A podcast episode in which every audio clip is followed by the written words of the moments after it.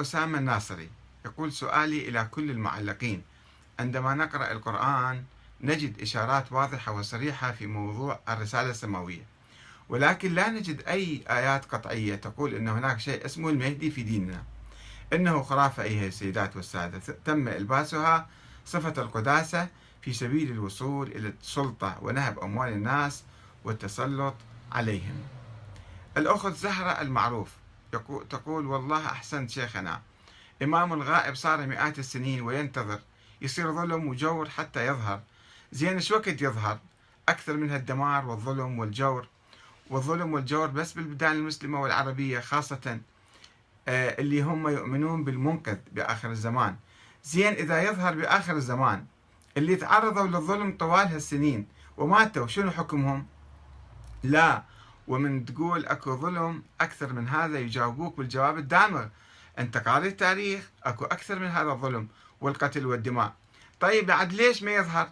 شي ينتظر جبناها على مر التاريخ قتل وسفك دماء وعداوات والقرآن يقول من قتل نفسا بغير نفس فكأنما قتل الناس جميعا لعد لو قايل تقاتلوا وتناحروا وتفرقوا إيش كان سوينا؟ تعترض الأخت زهرة على فكرة الغيبة في إمام يفترض أن يقود الناس ويمنع الفتنة. الأخ منصور التركي يقول الإمامية يؤمنون بأن الإمامة أو بأن الأئمة اثنا عشر إماما فقط فالرئيس بالوراثة من أين أتت؟ ثم بعد غياب المعصوم فالدولة للفقيه أو الرجل العادل انتهى. هذا موضوع سنناقشه آه، فيما بعد في موضوع آخر عندنا حلقات عديدة ومداخلات عديدة.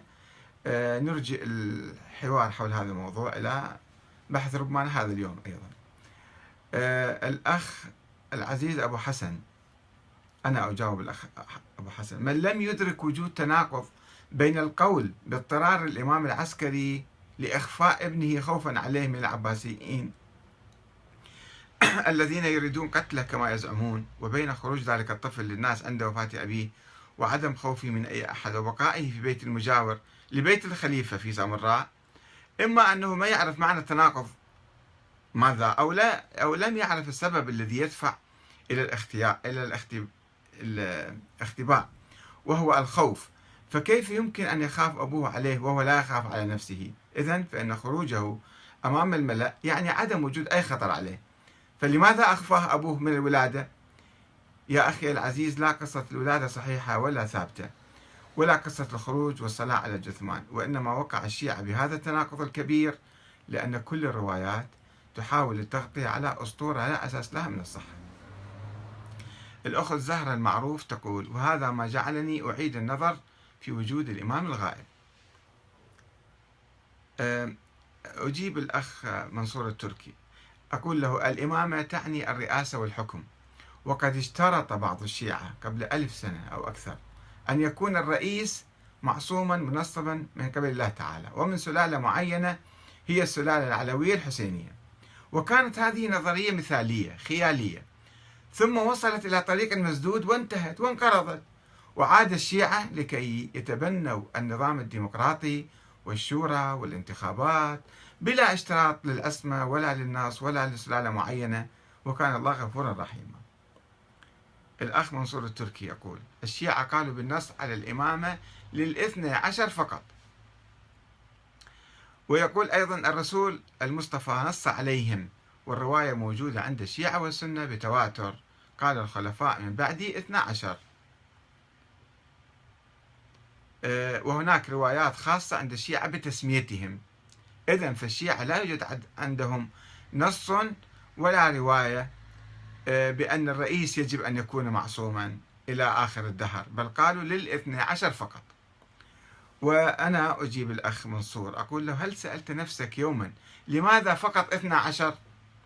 ما دامت الإمامة يجب أن تستمر إلى يوم القيامة كما هي الشورى مستمرة وهما نظريتان يعني متوازيتان.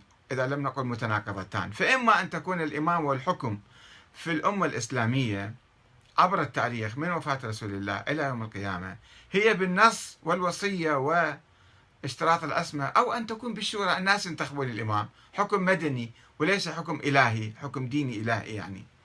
فلماذا إذن 12 واحد؟ ومتى خرجت هذه الاثنى عشرية الاثنى عشرية نظرية تألفت في القرن الرابع الهجري ولم يكن الشيعة الإمامية يعرفون هذه النظرية في القرون الثلاثة الأولى. راجع التاريخ حتى تعرفوا ذلك اقرأوا كتاب فرق الشيعة للنوبختي اللي توفى في أواخر أو بداية القرن الرابع آه، وهو من متكلمي الشيعة. لا يذكر وجود الإمامية الاثنى عشرية.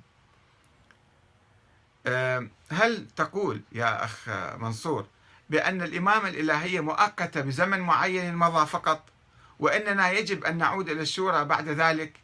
فلماذا لم نعد إليه من البداية؟ من بعد وفاة رسول الله إذا كانت الشورى صالحة وممكنة وعملية ومعقولة حتى لا نتهم الآخرين باغتصاب حق أهل البيت وظلم آل محمد. وتنتهي الخلافات بين السنة والشيعة ولا يسب هذا ذاك ولا يفجر هذا نفسه في هؤلاء. الأخ منصور التركي يعني هو يجادل أو يناقش بقوة فيعود ويتابع آه، ثم ثم ما هو التناقض يا سيدي العزيز في إخفاء الإمام والصلاة على والده بين شيعته؟ واليوم نأخذ الأمر بالعقل. لو مجرم هارب من العدالة بإمكانه يحضر جنازة أبيه. ما بالك بالإمام المسدد من الله؟ والله كفيل بحمايته وكان يجب أن يصلي على المعصوم معصوم. ويثبت نفسه أنه هو الإمام لشيعته. بارك الله فيك. أولا يا عزيزي يا أخ منصور اثبت لي هاي القصة أنت. روح ادرسها وشوف هاي الرواية مسندة صحيحة ثابتة أو لا. بعدين خلينا نتناقش. وطيب إذا أنت أصريت على ذلك يعني إذا كان الله يسدد الإمام ويحفظه ما حد ما يتمكن يصيبه بسوء فلماذا أخفى يفترض يعني أخفى الإمام العسكري ولادة ولد طفل صغير لا أحد يمسه بسوء. ولماذا لم يريه للناس ولم يعرضه على الشيعة ولم يعرفوا أهل البيت حتى يتأكدوا من وجود هذا الولد أولا وهو طفل صغير؟ لا يشكل أي يعني خطر على العباسيين. والعباسيين كانوا ذيك الأيام ضعاف جدا. السلطة مو بيدهم مو بيد العباسيين الأتراك كانوا يحكمون. الأتراك كانوا هم الجيوش التركية هي التي كانت تحكم. والخلفاء العباسيين ليس لهم إلا الاسم إلا الخطبة والعملة كانت فقط. ويعني السلطات محدودة فقط في بغداد آه، أيام المعتمد. من من يخاف؟ لماذا يخاف؟ هاي كلها خيالات افتراضات وهمية لتبرير موضوع عدم وجود الإمام وعدم الإشارة إليه. فإذا كان الله يتكفل بحمايته من أول يوم كان يتكفل بحمايته. ليش يجي في ذيك اللحظة اللي أمام الشرطة والعباسيين وكل سامراء كانت آه، يعني آه، خارجة للصلاة على الحسن العسكري. آه، بما فيهم الخليفة والوزراء و وكان مسكوه إذا كانوا خايفين عنده كان مسكوه لاحظوا التناقض بعض الناس ما يدركون. ما يفكرون ما يتوقفون حتى يتأملون أن هذا في تناقض الكلام أو ما في تناقض. وفيه تناقض كبير. لأنه كلام أسطوري يقوم على التناقضات. عندما تمسكه من جانب يعني يتهاوى من جانب اخر الأخ